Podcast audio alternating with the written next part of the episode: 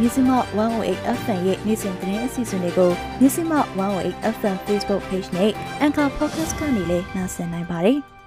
။မင်္ဂလာပါရှင်။108 FM ရဲ့နိုဝင်ဘာ20ရက်စနေနေ့ညသတင်းတွေကိုစတင်ပါတော့မယ်။ဒီနေ့ညရဲ့သတင်းတွေထဲမှာတမ69ကဆွန့်ပစ်ခဲ့တဲ့လက်နက်တွေကို MMDA ကတင်စီရမိတယ်လို့ထုတ်ပြန်လိုက်တဲ့သတင်း။ရေဖြူမျိုးကံပေါက်ဒေသမှာစစ်ကောင်စီကမိုင်းဆွဲခံရတဲ့တဲ့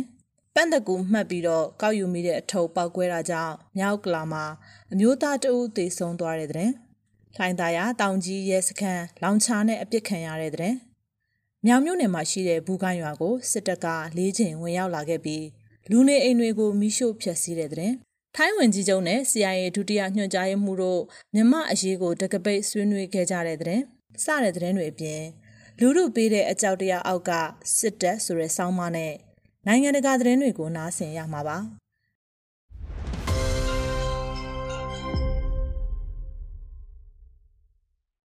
စစ်ကောင်စီနဲ့ကိုကန့်တက်မတော် MMDA တို့ကြားရှမ်းပြည်နယ်မြောက်ပိုင်းမိုးဆဲခရိုင်မုံကိုမြို့နယ်မှာတိုက်ပွဲတွေဖြစ်ပွားပြီးနောက်တပ်မ69ကစွန့်ပစ်ထားတဲ့လက်နက်ခဲယမ်းပစ္စည်းအများအပြားကိုတွေ့ရှိသိမ်းဆည်းရမိတယ်လို့ကိုကန့်သတင်းကဒီနေ့မွန်လွဲပိုင်းမှာထုတ်ပြန်ထားပါတယ်။ MMDAA နဲ့စစ်ကောင်စီတပ်တို့အကြားဩဂုတ်လပထမပတ်ကစတင်ပြီးတော့ဒီနေ့အထိပန်ဆိုင်မုံကိုမြို့တွေမှာတိုက်ပွဲတွေဖြစ်ပွားနေတာပါတိုက်ပွဲတွေကြောင့်ဒေသခံထောင်နဲ့ချီတဲ့သူတွေဟာနေရက်ကိုဒီနေ့အထိမပြန်နိုင်ကြသေးပါဘူး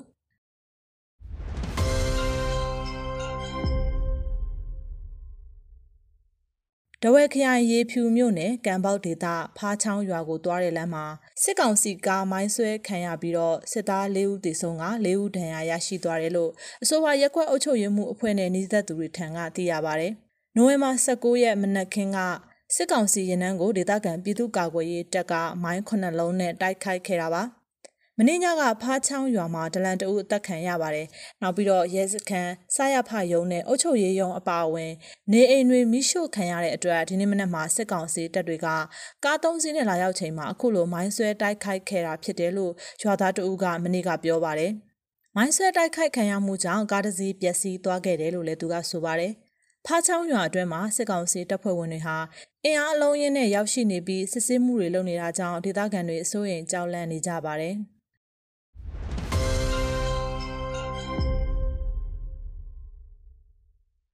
နိုဝင်ဘာ19ရက်နေ့မနေ့ညကအမြောက်ကလာပါမြို့နယ်မှာပန်းတကူအမှတ်နဲ့ကောက်ယူမိတဲ့အထုပ်ပောက်ကွဲခဲ့တာကြောင့်အမျိုးသားတဦးသေဆုံးသွားခဲ့တယ်လို့ဒေသခံတွေကပြောပါတယ်။ဖြစ်တာကမြောက်ကလာပသူ့နန္နာလမ်းမကြီးမှာဖြစ်တာပါ။ည9နာရီခွဲလောက်ကပေါ့ကားတစ်စီးပေါ်ကအထုံမဲပစ်ချသွားတာပါ။အဲ့ဒါကိုအဲ့ဒီဦးလေးကြီးကကောင်းမိပါတယ်။အထဲမှာလက်လုံမိုင်းထည့်ထားတော့ပောက်ကွဲသွားရောအဲ့ဒီမှာဦးလေးကြီးကဘိုက်ပွင့်ထွက်သွားပြီးတော့မြောက်ကလာပါစေယုံကြီးကိုခေါ်သွားကြတာလို့မျက်မြင်တွေ့ရှိသူတွေကမျက်စိမှကိုပြောပါတယ်။ ဆိုပါပောက်ကွဲမှုကြောင့်ထိခိုက်ဒဏ်ရာရရှိတဲ့အမျိုးသားဟာစေးုံမှာပဲသေဆုံးသွားခဲ့တယ်လို့ဒေသခံတွေထံကစုံစမ်းသိရှိရပါတယ်။ PDF တွေကကြေညာထားပြီးသားပါပန်းတကူပြည်ရင်တောင်အဲ့အကြည့်နဲ့ပြစ်ကြဖို့ဒါကိုညာဘက်ကြီးကားပေါ်ကအထုပ်အမဲနဲ့ချသွားတယ်ဗျာဒါကပောက်ကွဲသွားတော့ကောင်းမိတဲ့သူတွေထိတယ်ပေါ့ပုံမှန်ဆိုတစ်ခုခုဖြစ်ရင်ဟိုကောင်တွေချက်ချင်းရောက်လာကြတာပါ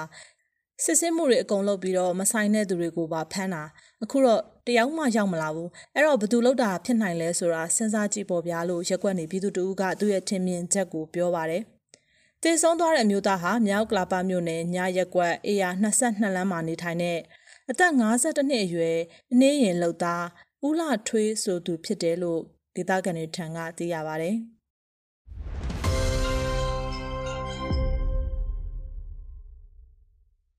ရန်ကုန်လိုင်သာယာမြို့နယ်နော်ရထာလမ်းမကြီးပေါ်မှာရှိတဲ့တောင်ကြီးရဲစခန်းကိုဒီနေ့မနက်8:20ဝန်းကျင်လောက်ကလောင်ချာနဲ့ပစ်ခတ်တိုက်ခိုက်ခဲ့တာကြောင့်အ ਨੇ ဆုံးရဲလေးဦးထိခိုက်ဒဏ်ရာရရှိသွားတယ်လို့ပျောက်ကြားတပ်ဖွဲ့တစ်ခုကထုတ်ပြန်ပါတယ်။ M79 Granite Launcher နဲ့ 40mm ဘုံးသီးတစ်လုံးပစ်ခတ်တိုက်ခိုက်ခဲ့တယ်သူတို့ကအင်အား30လောက်နဲ့မနက်တိုင်းစုဝေးလေးပြူနေကြတာပါသူတို့ဘော်ကိုတက်တက်ကြတာဆိုတော့ထိမှာပဲလေးယောက်တော့အနည်းဆုံးပဲလို့ Civil Guerrilla Fort HT1 ကတာဝန်ရှိသူတူကမျက်စိမှကိုပြောပါတယ်မဟိုယာစစ်စင်ရေးလို့အမည်ပေးထားတဲ့တိုက်ခိုက်မှုကို Civil Guerrilla Fort HT1 အဖွဲ့နဲ့ Sovereign Revolution Flank SRS အဖွဲ့တို့ပူးပေါင်းဆောင်ရွက်ခဲ့တာဖြစ်တယ်လို့ဆိုပါတယ်။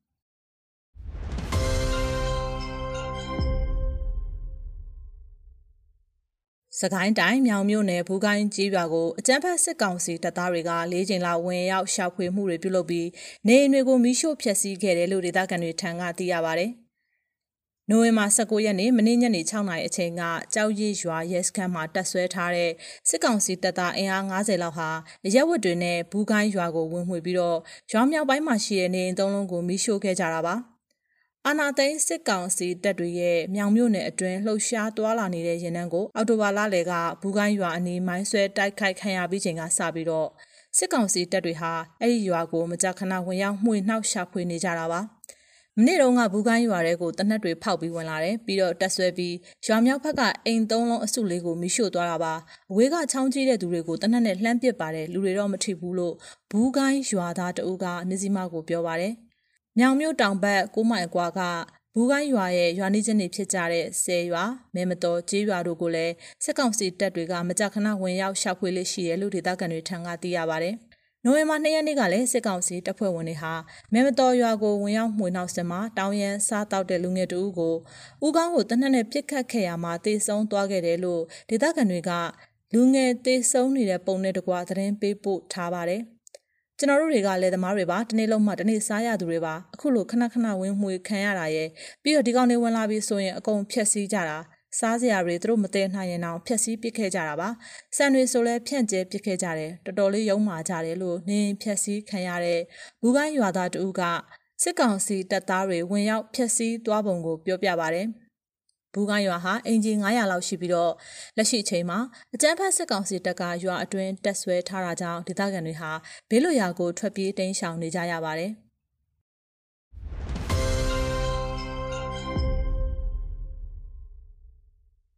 လူလူကပေးတဲ့အကြောက်တရားအောက်ကစစ်တပ်ဆိုတဲ့ဆောင်းပါးကိုမမေယူကတင်ဆက်ထားပါတယ်။နားဆင်ပါရှင်။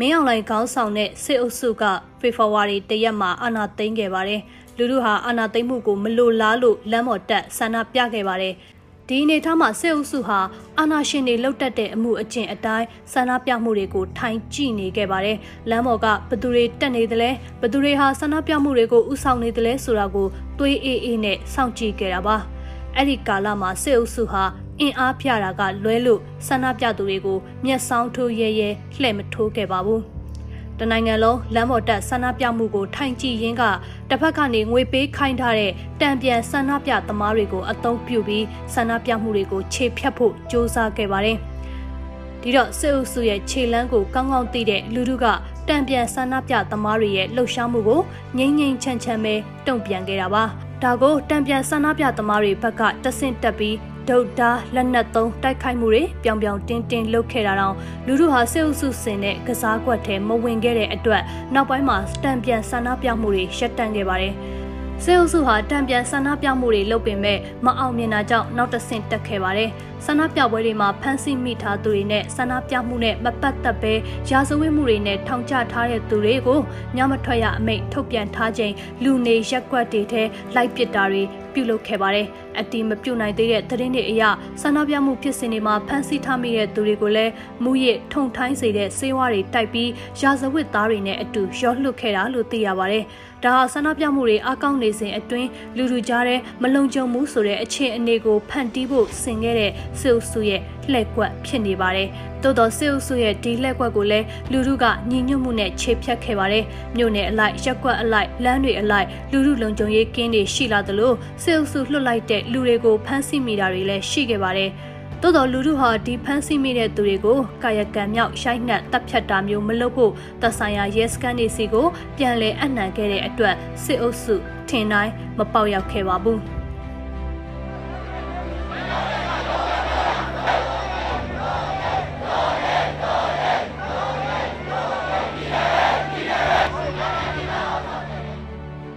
စေအုပ်စုဟာဒီနောက်ပိုင်းမှာတော့ကင်ထားတဲ့လက်နက်အာဏာနဲ့ပိုရက်ဆက်ကြမ်းကြုတ်မှုတွေပြုလုပ်လာခဲ့ပါတယ်။နေ့ပိုင်းဆန္ဒပြမှုတွေကိုအကြမ်းဖက်ဖြိုခွဲခဲ့တယ်လို့ညပိုင်းတွေမှာလည်းကိုတေတာအလိုက်လုံခြုံရေးရှူထားတဲ့ပြည်သူတွေကိုမှောက်ရိပ်အားကိုနဲ့တပ်ဖြတ်မှုတွေစက်တိုက်လုပ်လာပါတော့တယ်။တေတီအထိပြစ်ခတ်မှုတွေစက်တိုက်လုပ်ခဲ့တာပါ။ ဒါကြောင့်လဲအထူးသဖြင့်မြို့ကြီးတွေပေါ်မှာဆိုညမထွက်ရအချိန်ကန့်သက်ထားမှုကိုစန့်ကျင်ပြီးညသပိတ်တွေအထိရှိလာခဲ့ပါတယ်။ဒါအပြင်စစ်အုပ်စုကရှမ်းကားကျန်တိုင်းရှမ်းကားခွင့်မပေးတော့ဘူး။ကိုကိုကိုလုံခြုံမှုအတွက်ခုခံကာကွယ်ရမယ်ဆိုတဲ့ဘဝပေးအသည့်တွေပို့ပြီးတော့အားကောင်းလာစေပါတယ်။ဒါကြောင့်ဒေတာအလိုက်ပြည်သူလုံခြုံရေးအဖွဲ့တွေပေါ်လာသလိုရက်ကွက်အလိုက်လမ်းအလိုက်စစ်အုပ်စုလက်နက်ကင်တွေဝင်ရောက်ရှမ်းကားလို့မရအောင်အကအယံအတားအဆီတွေပြုလုပ်ခဲ့ပါတယ်။ စေအုပ်စုဟာဒီလိုအခြေအနေအစပိုင်းမှာလူမှုညီညွတ်မှုနဲ့ကိုကိုကိုခုခံကာကွယ်မှုတွေလှုပ်လာတဲ့အပေါ်မှာစိုးရိမ်တကြီးဖြစ်ခဲ့ပါတော့တယ်။ဒါကြောင့်လူမှုစီမံထားတဲ့အတားအဆီးတွေကိုဖျက်သိမ်းဖို့အင်အားကုန်သုံးလာတော့တာပါ။လူလူလောက်ထားတဲ့ဒီအတားဆီးဟာသူတို့ရဲ့ဆက်သွယ်လမ်းကြောင်းကိုပြတ်တောက်စေတဲ့အတွက်ဒီလမ်းကြောင်းတွေပြန်ပွင့်အောင်ဆိုပြီးလူလူအပေါ်ပို့ပြီးတော့အကြမ်းဖက်လာပါတယ်။ပြည့်ရင်ခေါင်းကိုပြည့်တေအောင်ပြည့်ဆိုတဲ့အမိန့်ပေးမှုတွေရဲ့အောက်မှာစစ်အုပ်စုလက်နက်ကင်တွေပို့ပြီးရက်ဆက်ကြမ်းကြုတ်လာတာပါ။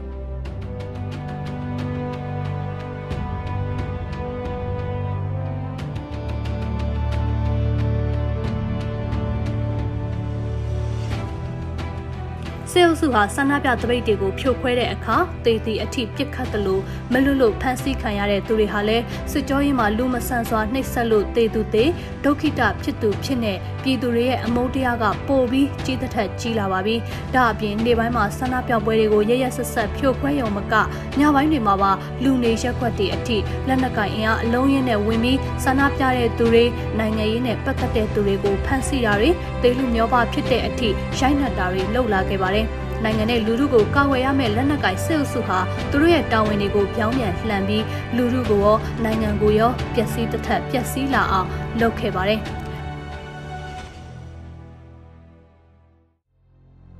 တိုက်ခိုက်ရေးနဲ့ကိုကျိုးစီးပွားရေးလောက်သာနားလဲတဲ့စစ်အုပ်စုဟာလက်နက်နဲ့ချင်းချောက်လူတက်ပြရင်လူတို့ဟာငြိမ်သက်သွားမယ်ကြောက်ရွံ့သွားမယ်ဆိုပြီးယူဆထားပုံရပါတယ်။ သို့တော့လူထုဟာစစ်အုပ်စုရဲ့ကန်းကုံလွန်းတဲ့ရက်စက်ရုံမှမှုကြောင့်စစ်အုပ်စုဆိုရင်ရှင်တထက်ရှင်မုံတထက်မုံလာခဲ့ပါတယ်။ဒါကြောင့်ဖိနှိပ်မှုပေါင်းစုံလုပ်နေတဲ့ကြားတွေကဆန္ဒပြမှုတွေမှာလူကျဲသွားပေမဲ့မရက်တန့်သွားသလိုတစ်ဖက်မှာလည်းသူတို့ကိုလက်နက်ကင်ချကိုချရမယ်ဆိုတဲ့လက်နက်ကင်တော်လှန်ရေးတိတ်ညွတ်မှုတွေအားကောင်းလာပါတယ်။ဒီတိတ်ညွတ်မှုအားကောင်းချက်ကအာဏာနိုင်ငံရေးနယ်ပယ်တွေကနိုင်ငံရေးသမားတွေကိုပါ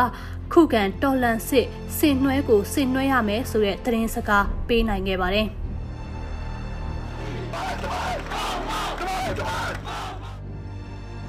စေအုပ်စုကိုသူတို့နားလေတဲ့လက်နက်နဲ့ပဲပြောရမယ်ဆိုတဲ့အသည့်ဟာလူလူကြားတဲ့အားကောင်းလာပြီးလက်နက်ကင်တော်လှန်မှုတွေစတင်လာပါတော့တယ်လက်နက်ကင်တော်လှန်ရေးအစဟာစေအုပ်စုရန်ကားတာကိုဟန်တားယုံကိုကိုကိုခုခံကာကွယ်ယုံနဲ့သာစတင်ခဲ့တာပါ ဆန္ဒပြပွဲတွေမှာအကြမ်းဖက်ဖြိုခွဲဖို့တာဆူနေတဲ့စစ်အုပ်စုကိုလက်နက်ကင်ခုခံတော်လှန်မှုတွေဟာကောင်းကောင်းကြီးဟန်တားနိုင်ခဲ့သလိုစစ်အုပ်စုဘက်ကတံပြန်တဲ့အနေနဲ့ပိုပိုပြီးတော့ရက်ဆက်ကြမ်းကြုတ်လာပါတော့တယ်ဒီရက်ဆက်ကြမ်းကြုတ်တဲ့စစ်အုပ်စုရဲ့လုပ်ရက်ကိုတံပြန်ဖို့အတွက်ဆန္ဒပြအင်အားစုတွေရဲ့ဘက်မှလက်နက်ကင်တိုက်ပွဲရှိကိုရှိရမယ်ဆိုတဲ့တောင်းဆိုချက်တွေပြင်းထန်လာတဲ့နောက်ဒေသအလိုက်ပြည်သူ့ကာကွယ်ရေးတပ်ဖွဲ့ဆိုတာတွေဖြစ်ပေါ်လာပါတယ်။ ရရပစ္စည်းတွေနဲ့လှုပ်ထားတဲ့လက်လုံတနတ်တွေဖောက်ခွဲရေးပစ္စည်းတွေဟာစစ်အုပ်စုကိုအထိနာစေခဲ့တယ်လို့ငယ်ရွယ်တက်ကြွတဲ့လူငယ်တွေရဲ့ရဲရင်မှုကစစ်အုပ်စုကိုပြန်ပြီးတော့အကြောက်တရားတွင်းပေးနိုင်ခဲ့ပါတယ်။စစ်အုပ်စုဟာလာသားအရွယ်လို့ပြောနိုင်တဲ့ပြည်သူ့ကာကွယ်ရေးတပ်ဖွဲ့တွေကိုတိုက်ခိုက်ရေးနဲ့ပတ်သက်လို့အလုံးမဖြစ်တော့ဘူးဆိုပြီးတော့တွက်ဆခဲ့ပုံရပါတယ်။ဒါပေမဲ့ချင်းပြည်နယ်မင်းတပ်၊ကေအားပြည်နယ်လွိုင်ကော်နဲ့ဒီမော့ဆိုကပြည်သူ့ကာကွယ်ရေးတပ်တွေဟာစစ်အုပ်စုလက်အောက်ခံတပ်ဖွဲ့တွေကိုနလန်မထူအောင်တိုက်ခိုက်ပြီး စခန်းသိမ်းမှုတွေအထိပါရှိလာခဲ့တာပါ။ဒါကြောင့်စေအုပ်စုဘက်ကနေအပြစ်ရရေးဆိုတာတွေကိုတောင်းဆိုရတဲ့အထိဖြစ်ပေါ်စေခဲ့ပါတယ်။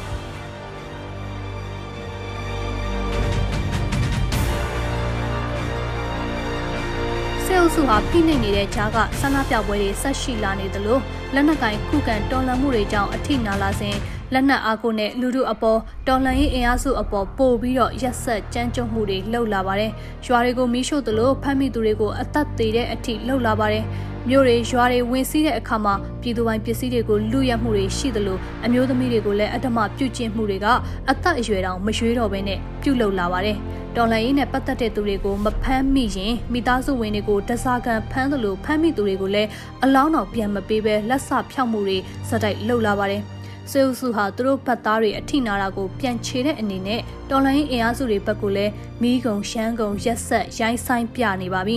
နောက်ဆုံးမိသားစုဘဝတွေပါပျက်စီးပြီးလမ်းပေါ်ရှောက်ကုံအောင်အတွက်နေအိမ်တွေကိုတင်စီတာတွေပါပြုလုပ်လာပါတယ်။စေအုပ်စုရဲ့မိကုံရှမ်းကုံကန်းကုံအောင်လုပ်နေတဲ့အတ္တမမှုတွေဟာလူထုကိုအကြောက်တရားဆိုတာထက်အမုန်းတရားတွေပိုပြီးကြီးလာစေပါတယ်။သားသေးတဲ့မိခင်၊သမီးသေးတဲ့ဖခင်၊အကိုသေးတဲ့ညီနှမ အမသေးတဲ့မောင်နှမတွေဇက်တိုက်ဇက်တိုက်တိုးလာနေမှုဟာစေအုပ်စုကိုရှိတဲ့နီးနဲ့တော်လန်ရမယ်ဆိုတဲ့အထိအားကောင်းလာစေပါတယ်ဒီမုံတရားတွေမခံမရနိုင်ဖြစ်မှုတွေဟာစစ်အုပ်စုတဆင်ပြီးတဆင့်ကြဆုံးကန်းကိုဥတီစေတယ်ဆိုတာကိုစစ်အုပ်စုဟာမေ့နေဟန်တူပါတယ် လူတို့ရဲ့ဆန္ဒပြမှုတွေကိုစစ်အုပ်စုမတားနိုင်ခဲ့သလိုလက်နက်ကင်တော်လှန်မှုကိုလည်းစစ်အုပ်စုကြောက်ခဲ့ရပါတယ်။အခုအချိန်ထိလည်းလူတို့ပေးထားတဲ့အကြောက်တရားကြောင့်စစ်အုပ်စုဟာခံတက်ပြုတ်လုထားတဲ့ကျင်းတွေကနေရဲရဲတောင်ခေါင်းပြူမထွက်ဝင်ပါဘူး။ပြည်သူတွေကိုလူသားတတိုင်းလှုပ်ပြီးတွာလာရတဲ့အဆင့်ကိုလည်းရောက်နေပါပြီ။လူတကာဥတော်ကိုသွားနေတဲ့မြို့ရင်းလမ်းတွေပေါ်မှာတော့တနက်ကြီးတကားကားနဲ့ခေါင်းချချလဲအောင်ကြည်ပြီးတော့တတိနဲ့သွားနေကြရပါပြီ။ ဒါဟာနိုင်ငံရေးအကြက်တဲဖြစ်စဉ်ကိုငြိမ်းချမ်းစွာဖြည့်ရှင်းလိုမှုကိုလက်မခံဘဲလက်နက်နဲ့ဆက်ဆံခဲ့တဲ့စစ်တပ်အပေါ်လူထုကတုံ့ပြန်နေတဲ့အမုန်းတရားပါပဲ။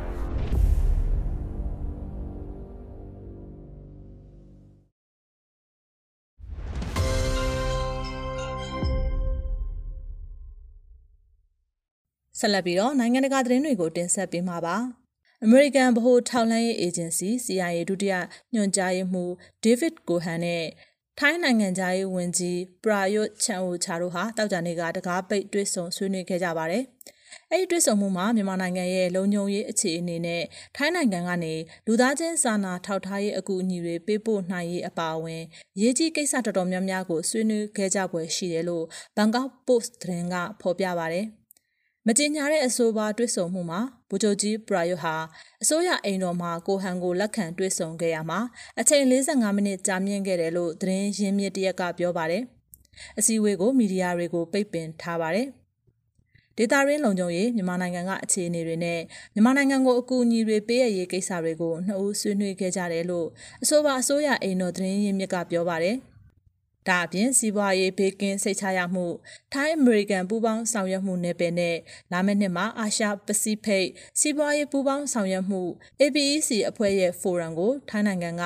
တဘာပတိမူကျင်းပချိန်မှာအမေရိကန်ရဲ့ထောက်ခံကူညီမှုတွေအရေးကိုလည်းဆွေးနွေးခဲ့ကြပါတယ်။သူတို့ကနိုင်ငံရေးစီးပွားရေးနဲ့အပြန်အလှန်ပူးပေါင်းဆောင်ရွက်ရေးကိစ္စတွေကိုခြုံငုံဆွေးနွေးခဲ့ကြတာဖြစ်ပါတယ်။နိုင်ငံဖြတ်ကျော်ရာဇဝတ်မှုတွေနဲ့ ပစိဖိတ်ဖြတ်ကျော်မိဖက်ပြုမှုသဘောတူညီချက် CPTPP တွေနဲ့ပတ်သက်ပြီးတော့မဆွေးနွေးခဲ့ဘူးလို့သတင်းရင်းမြစ်ကပြောပါတယ်။ကိုဟန်အနေနဲ့ထိုင်းနိုင်ငံကထွက်ခွာသွားခဲ့ပြီးနောက်အရှိတောင်အာရှနိုင်ငံများအဖွဲ့အာဆီယံနိုင်ငံများစွာကိုတွားရောက်ဖို့ရှိတယ်လို့လည်းအဆိုပါသတင်းရင်းမြစ်ကဆိုပါတယ်။ဆိုရအိမ်တော်မှာကိုဟန်နဲ့ဗိုလ်ချုပ်ကြီးပရာယုတိုတွေ့ဆုံခဲ့ကြောင်းကိုမြို့သားလုံခြုံရေးကောင်စီအတွင်းမှုချုပ်ဗိုလ်ချုပ်ကြီးစူပေါ့မာလာနီယန်ကနောက်ပိုင်းအချိန်တွေမှာအတည်ပြုပြောပါတယ်။ ဒါပေမဲ့ထိုင်းနဲ့အခြားသောအာဆီယံနိုင်ငံတွေအကြားလုံခြုံရေးဆက်ဆံမှုတိုးပြီးခိုင်မာစေရေးကိုဥတီချက်ထားဆွေးနွေးခဲ့ကြတယ်လို့သူကဆိုပါတယ်။သတင်းအချက်အလက်ဖလှယ်ရေးနဲ့အမေရိကန်ထောက်လန်းရေးထိုင်းထောက်လန်းရေးတို့ပူးပေါင်းဆောင်ရွက်မှုတွေကိုမြင့်တင်ဖို့အတွက် CIA အမှုဆောင်အရာရှိတူတစ်နှစ်ကိုတစ်ကြိမ်ထိုင်းနိုင်ငံကိုလာရောက်တာဟာပုံမှန်လှုပ်ဆောင်နေကြဖြစ်ပါတယ်။အခုကိုဟန်ကထိုင်းနိုင်ငံဒုတိယဝန်ကြီးချုပ်ပရာဝုတ်ဝမ်ဆူဝမ်နဲ့ ဗိုလ်ချုပ်ကြီးစူပေါ့ဖ်တို့နဲ့ပါတီးခြားတွေ့ဆုံခဲ့တယ်လို့သိရပါဗျ။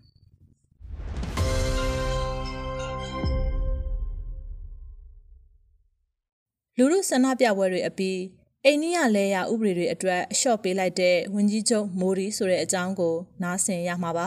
။အိန္ဒိယနိုင်ငံမှာလယ်သမားတွေရဲ့တနင်္နီးပါးအကြားကြီးမားတဲ့ဆန္ဒပြပွဲများဖြစ်ပွားစေခဲ့တဲ့လေယာဉ်မြေပြုပြင်ပြောင်းလဲရေးဥပဒေ၃ရက်ကိုဖျက်သိမ်းတော်မှာဖြစ်ကြောင်း ဝန်ကြီးချုပ်နာရန်ဒရာမိုဒီကနိုဝင်ဘာလ19ရက်တောက်ကြနေ့ကကြေညာလိုက်ပြီးဒါဟာဟိန္ဒူအမျိုးသားရေးဝါဒီအစိုးရရဲ့အံ့မခန်းဖွယ်ရာရှားရှားပါးပါးဂငယ်ခွေးတစ်ခုဖြစ်ပါတယ်။မိုဒီအာဏာရလာခြင်းကလေးကစတင်ခဲ့တဲ့အကြီးမားဆုံးစိန်ခေါ်မှုတွေကတစ်ခုအဖြစ်ယခုနှစ်နိုဝင်ဘာလကလေးကမြို့တော်နယူးဒေလီရဲ့နယ်နိမိတ်အတွင်းထောင်နဲ့ချီတဲ့လယ်သမားတွေစက္ကန့်ကျစန္ဒဖော်ထုတ်ခဲ့ကြပါတယ်။လူဦးရေ1.3ဘီလီယံရဲ့သုံးပုံနှစ်ပုံဟာစားဝတ်နေရေးအတွက် စိုက်ပျိုးရေးကိုအားထားနေရတဲ့နိုင်ငံမှာလေယာမြေဥပဒေအတွက်မိုဒီအစိုးရကိုရဲရဲတောက်ဆန့်ကျင်တဲ့ချီတက်ပွဲတွေဖြစ်ပွားလာခဲ့ပါတယ်။လယ်သမားများစွာရဲ့ဘာသာရေးဖြစ်တဲ့စစ်ပွဲတော်ကြီးတစ်ခုနဲ့တိုက်ဆိုင်ကနိုင်ငံကိုပြောကြားလာတဲ့ကြေကွဲပွဲမိန့်ခွန်းမှာသမ္မတမိုဒီကယခုလနှောင်းပိုင်းမှာစတင်မဲ့ဆောင်းရာသီလွှတ်တော်အစည်းအဝေးများအတွင်လေယာမြေဥပဒေတွေကိုပြန်လည်ရုပ်သိမ်းသွားမယ့်အကြောင်းပြောကြားခဲ့ပါတယ်။ယခုဆန္ဒပြပွဲအတွင်ပါဝင်ခဲ့ကြတဲ့တောင်သူလယ်သမားတွေအားလုံးကို ကိုယ်အိမ်ကိုရာနဲ့ကိုချေရတဲ့မိသားစုတွေစီပြန်သွားကြဖို့မြစ်တာရက်ခံပါတယ်။အာသစ်အင်သစ်ခြေလန်းသစ်တွေနဲ့ရှေ့ဆက်ကြပါစို့လို့အသက်82နှစ်အရွယ်ဝန်ကြီးချုပ်မိုဒီကပန်ကြားခဲ့ပါတယ်။ကျွန်တော်ရဲ့နိုင်ငံသားမိတ်ဆွေအပေါင်းကိုတောင်းပန်ရင်စိတ်ရင်းတန်တန်နဲ့ပြောချင်ပါတယ်။ဒီအရေးမှာတောင်သူလယ်သမားတွေနားလည်အောင်ကြိုးကြိုးစားစားရှင်းပြဖို့ ပြက်ကွက်ခဲ့ပါတယ်လို့၎င်းကပြောကြားခဲ့ပါတယ်။2020ခုနှစ်စက်တင်ဘာလကအတည်ပြုခဲ့တဲ့ပြုပြင်ပြောင်းလဲမှုတွေဟာနိုင်ငံတော်အစိုးရများကကောက်ပဲသီးနှံအနှိမ့်ဆုံးဈေးနှုန်းတွေကိုဆယ်စုနှစ်ပေါင်းများစွာချမှတ်ပေးခဲ့တဲ့လေယာထွက်ကုန်ပစ္စည်းဈေးကွက်ကိုထိန်းချုပ်နိုင်ဖို့ရည်ရွယ်ခဲ့တာဖြစ်ပါတယ်။ မယောင်းချမီသီးနှံတွေပျက်စီးကုန်တဲ့အလွန်ထိရောက်မှုမရှိသောစိုက်ပျိုးရေးကဏ္ဍကိုပြုပြင်ပြောင်းလဲခြင်းအပြင်ကျေးလက်ဝင်ငွေတိုးပွားလာစေဖို့ဖြစ်တယ်လို့မိုဒီရဲ့အဆိုအရကဆိုပါတယ်။မတရားမှုကိုစန့်ကျင်တဲ့အခုလိုအောင်ပွဲအတွက်ဂုဏ်ယူပါတယ်။အိန္ဒိယကိုဂုဏ်ပြုပါတယ်။အိန္ဒိယရဲ့လယ်သမားတွေကိုချီးကျူးပါတယ်လို့အတိုက်ခံကွန်ဂရက်ပါတီကယာဟုဂန်ဒီက Twitter မှာရေးသားခဲ့ပါတယ်။လယ်ယာမြေဥပဒေတွေကတေဆုံးသွားတာကြာပါပြီ။သူတို့ကိုရုပ်သိမ်းဖို့အစိုးရရဲ့လှုပ်ဆောင်မှုမှာ ကန့်လန့်ခံနေတဲ့မိုဒီရဲ့အတ္တအတွက်အမြဲတမ်းမေးခွန်းထုတ်เสียဖြစ်နေခဲ့တယ်လို့ Caravan Magazine ရဲ့နိုင်ငံရေး editor က AFP ကိုပြောပြပါတယ်။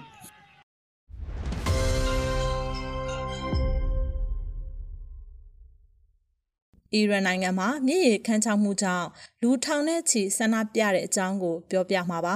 ။မိုးကောင်ရေရှားမှုနဲ့ရေလွှမ်းကြောင်းလွှဲမှုတွေကြောင့်မြို့ရဲ့အသက်သွေးကြောသဖွယ်မြစ်တွေခန်းချောက်သွားတဲ့နောက် အီရန်နိုင်ငံအလဲပိုင်းအီဖာဟန်မြို့မှာနိုမာလာ19ရက်တောက်ကြနေ့ကဒေါသထွက်နေတဲ့လူထောင်ပေါင်းများစွာစုဝေးဆန္ဒပြခဲ့ကြောင်းနိုင်ငံပိုင်ရုပ်သံကနေပြောကြားခဲ့ပါတယ်။အီဖာဟန်ပြည်နယ်တဝန်းကလယ်သမားတွေပါဝင်တဲ့ဆန္ဒပြမှုဟာနိုဝင်ဘာလ9ရက်ကစတင်ခဲ့တဲ့ရေအကျက်တဲ့အတွက်ဆန္ဒပြပွဲနောက်ပိုင်းအကြီးမားဆုံးဖြစ်ပါတယ်။ပြည်내အရှေ့ပိုင်းနဲ့အနောက်ပိုင်းကလယ်သမားတွေအပြင်အီဖာဟန်ကထောင်နဲ့ချီတဲ့လူတွေဟာမြစ်ကျမ်းပြင်ပေါ်အောင်ထိခန်းချောက်နေတဲ့ ဇာယန်ဒါရူမြစ်အနီးမှာစုဝေးခဲ့ကြပြီးမြစ်ရည်တွေကိုစီးစင်းခွင့်ပေးပါဆိုတဲ့အဓိကတောင်းဆိုချက်တစ်ခုကိုဟစ်ကြွေးတောင်းဆိုခဲ့ကြပါတယ်။နိုင်ငံဟာနှစ်ပေါင်းများစွာဒီအရေးပါတဲ့မြစ်ရည်ပြဿနာတွေကိုဖြေရှင်းဖို့ဆန္ဒမရှိခဲ့ဘူးလို့သတင်းတောက်တူကဆိုပါတယ်။အီဖာဟန်ဟာအီရန်နိုင်ငံရဲ့တတိယအကြီးဆုံးမြို့ဖြစ်ပြီးလူဦးရေ2တန်းဝန်းကျင်နေထိုင်ပါတယ်။ဇာရန်ဒါရူမြစ်ရဲ့တမိုင်းဝင်မြစ်ကူးဒရာအပါအဝင်အမွေအနှစ်နေရာတွေကြောင့်ခီးသွားတွေ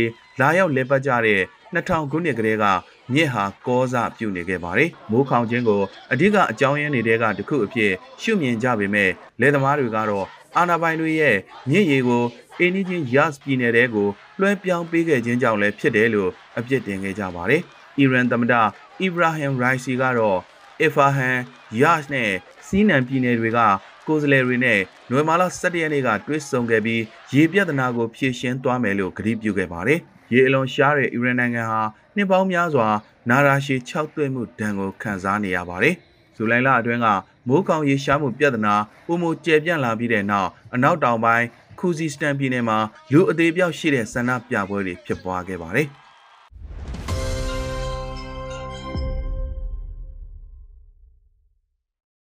အလုလက်မဲ့အာဖဂန်အမျိုးသမီးတွေရဲ့အမှောင်လွှမ်းဆဲအနာဂတ်ဆိုတဲ့အကြောင်းကိုနားဆင်ပါရှင်။ အသက်22နှစ်အရွယ်မက်ဒီနာဟာအရင်ကသတင်းသမားတူဖြစ်ပြီးသူမရဲ့အလုတ်ကရတဲ့ဝင်ငွေနဲ့အာဖဂန်နစ္စတန်မှာသူတို့မိသားစုရက်တည်ခဲ့ကြပါတယ်။ဒါပေမဲ့တာလီဘန်တွေရောက်လာပြီးနောက်မှာတော့အခြားအာဖဂန်အမျိုးသမီးတွေနီးတူမက်ဒီနာလည်းအလုံးမရှိတော့ဘဲမိသားစုဝင်ငွေဆုံးရှုံးသွားပါတယ်။ကုလသမဂ္ဂကတော့လာမယ့်ရှေလျားအေးများတဲ့စောင်းရာသီမှာအာဖဂန်လူဦးရေရဲ့ထက်ဝက်ခန့်စားနပ်ရိက္ခာပြတ်တောက်သွားနိုင်တယ်လို့ခန့်မှန်းထားပါတယ်။အိမ်တွင်းပုံပိတ်မိနေတဲ့မက်ဒီနာကတော့ သူမမိသားစုအတွက်အိမ်ငါးကားနဲ့စောင်းတွင်းအတွက်ထင်းဝယ်ဖို့အရေးကိုစိုးရိမ်တကြီးတွေးနေမိပါတယ်။လွန်ခဲ့တဲ့လအနည်းငယ်ကတော့အဆိုပါအမျိုးသမီးငယ်ဟာအမေရိကန်ကထောက်ပံ့တဲ့အတန်လွင့်ဌာနတစ်ခုမှာအလုပ်လုပ်ခဲ့ပါတယ်။ရုံးမြင့်တန်းကြားသတင်းတင်ဆက်သူဖြစ်ဖို့အိမ်မက်မက်ခဲ့တဲ့သူမဟာနောက်ပိုင်းမှာနိုင်ငံရေးလောကကိုဝင်ရောက်ခဲ့ပါတယ်။အခုတော့အတန်လွင့်ရုံလဲရပ်နားသွားပြီးအလုတ်တွေရဖို့ကလည်းခက်ခဲလာပါတယ် တာလီဘန်ကအနောက်အုပ်စုထောက်ပံ့ထားတဲ့အစိုးရကိုမောင်းထုတ်ခါအာဏာပြန်ရလာတဲ့ဩဂုတ်လကစပြီးကျန်းမာရေးနဲ့ပညာရေးစတဲ့အထူးပြုခန္ဓာတွေမှာအမျိုးသမီးအနှဲငယ်ပဲအလုပ်လုပ်ကင်နိုင်ခဲ့ပါတယ်။ယခုအစိုးရလက်ထက်ကနိုင်ငံဝန်ထမ်းဥယျာဉ်ရဲ့29ရာခိုင်နှုန်းကျော်ဟာ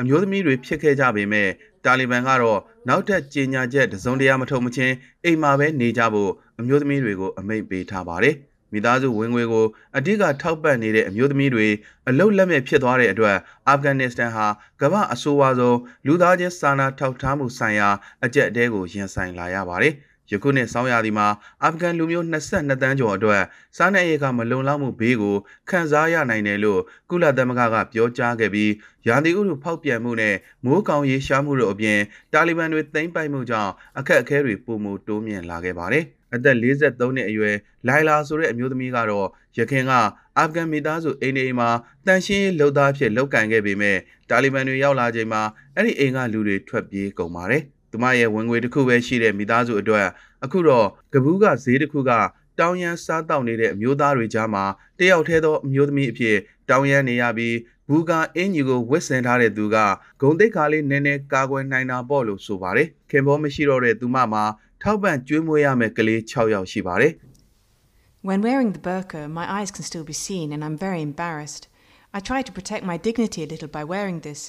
အိမ်မှာကလေးတွေကကျမတောင်းစားနေကြမှန်းမသိဘူးသူတို့ကိုကြွေးဖို့ပက်ဆန်ရှာရမယ်အိမ်မှာစံတစ်ခွက်မှမရှိတော့ဘူးလို့သူမကဆိုပါတယ်ရှက်လိုက်တာဘဝမှာဒါပထမဆုံးအဖြစ်တောင်းရမ်းဘူးတာဆိုတဲ့သူမကိုဒီကရတဲ့ငွေနဲ့စားလောက်ရလားလို့မေးတဲ့အခါမှာတော့မျက်ရည်ကျနေခဲ့ပါတယ် ကျမအရန်ဝမ်းနေတယ်ကျမဘဝမှာဒီနှစ်ပတ်အတွင်းလောက်ခက်ခဲတာမျိုးမကြုံဘူးဘူးလို့သူမကဆိုပါတယ်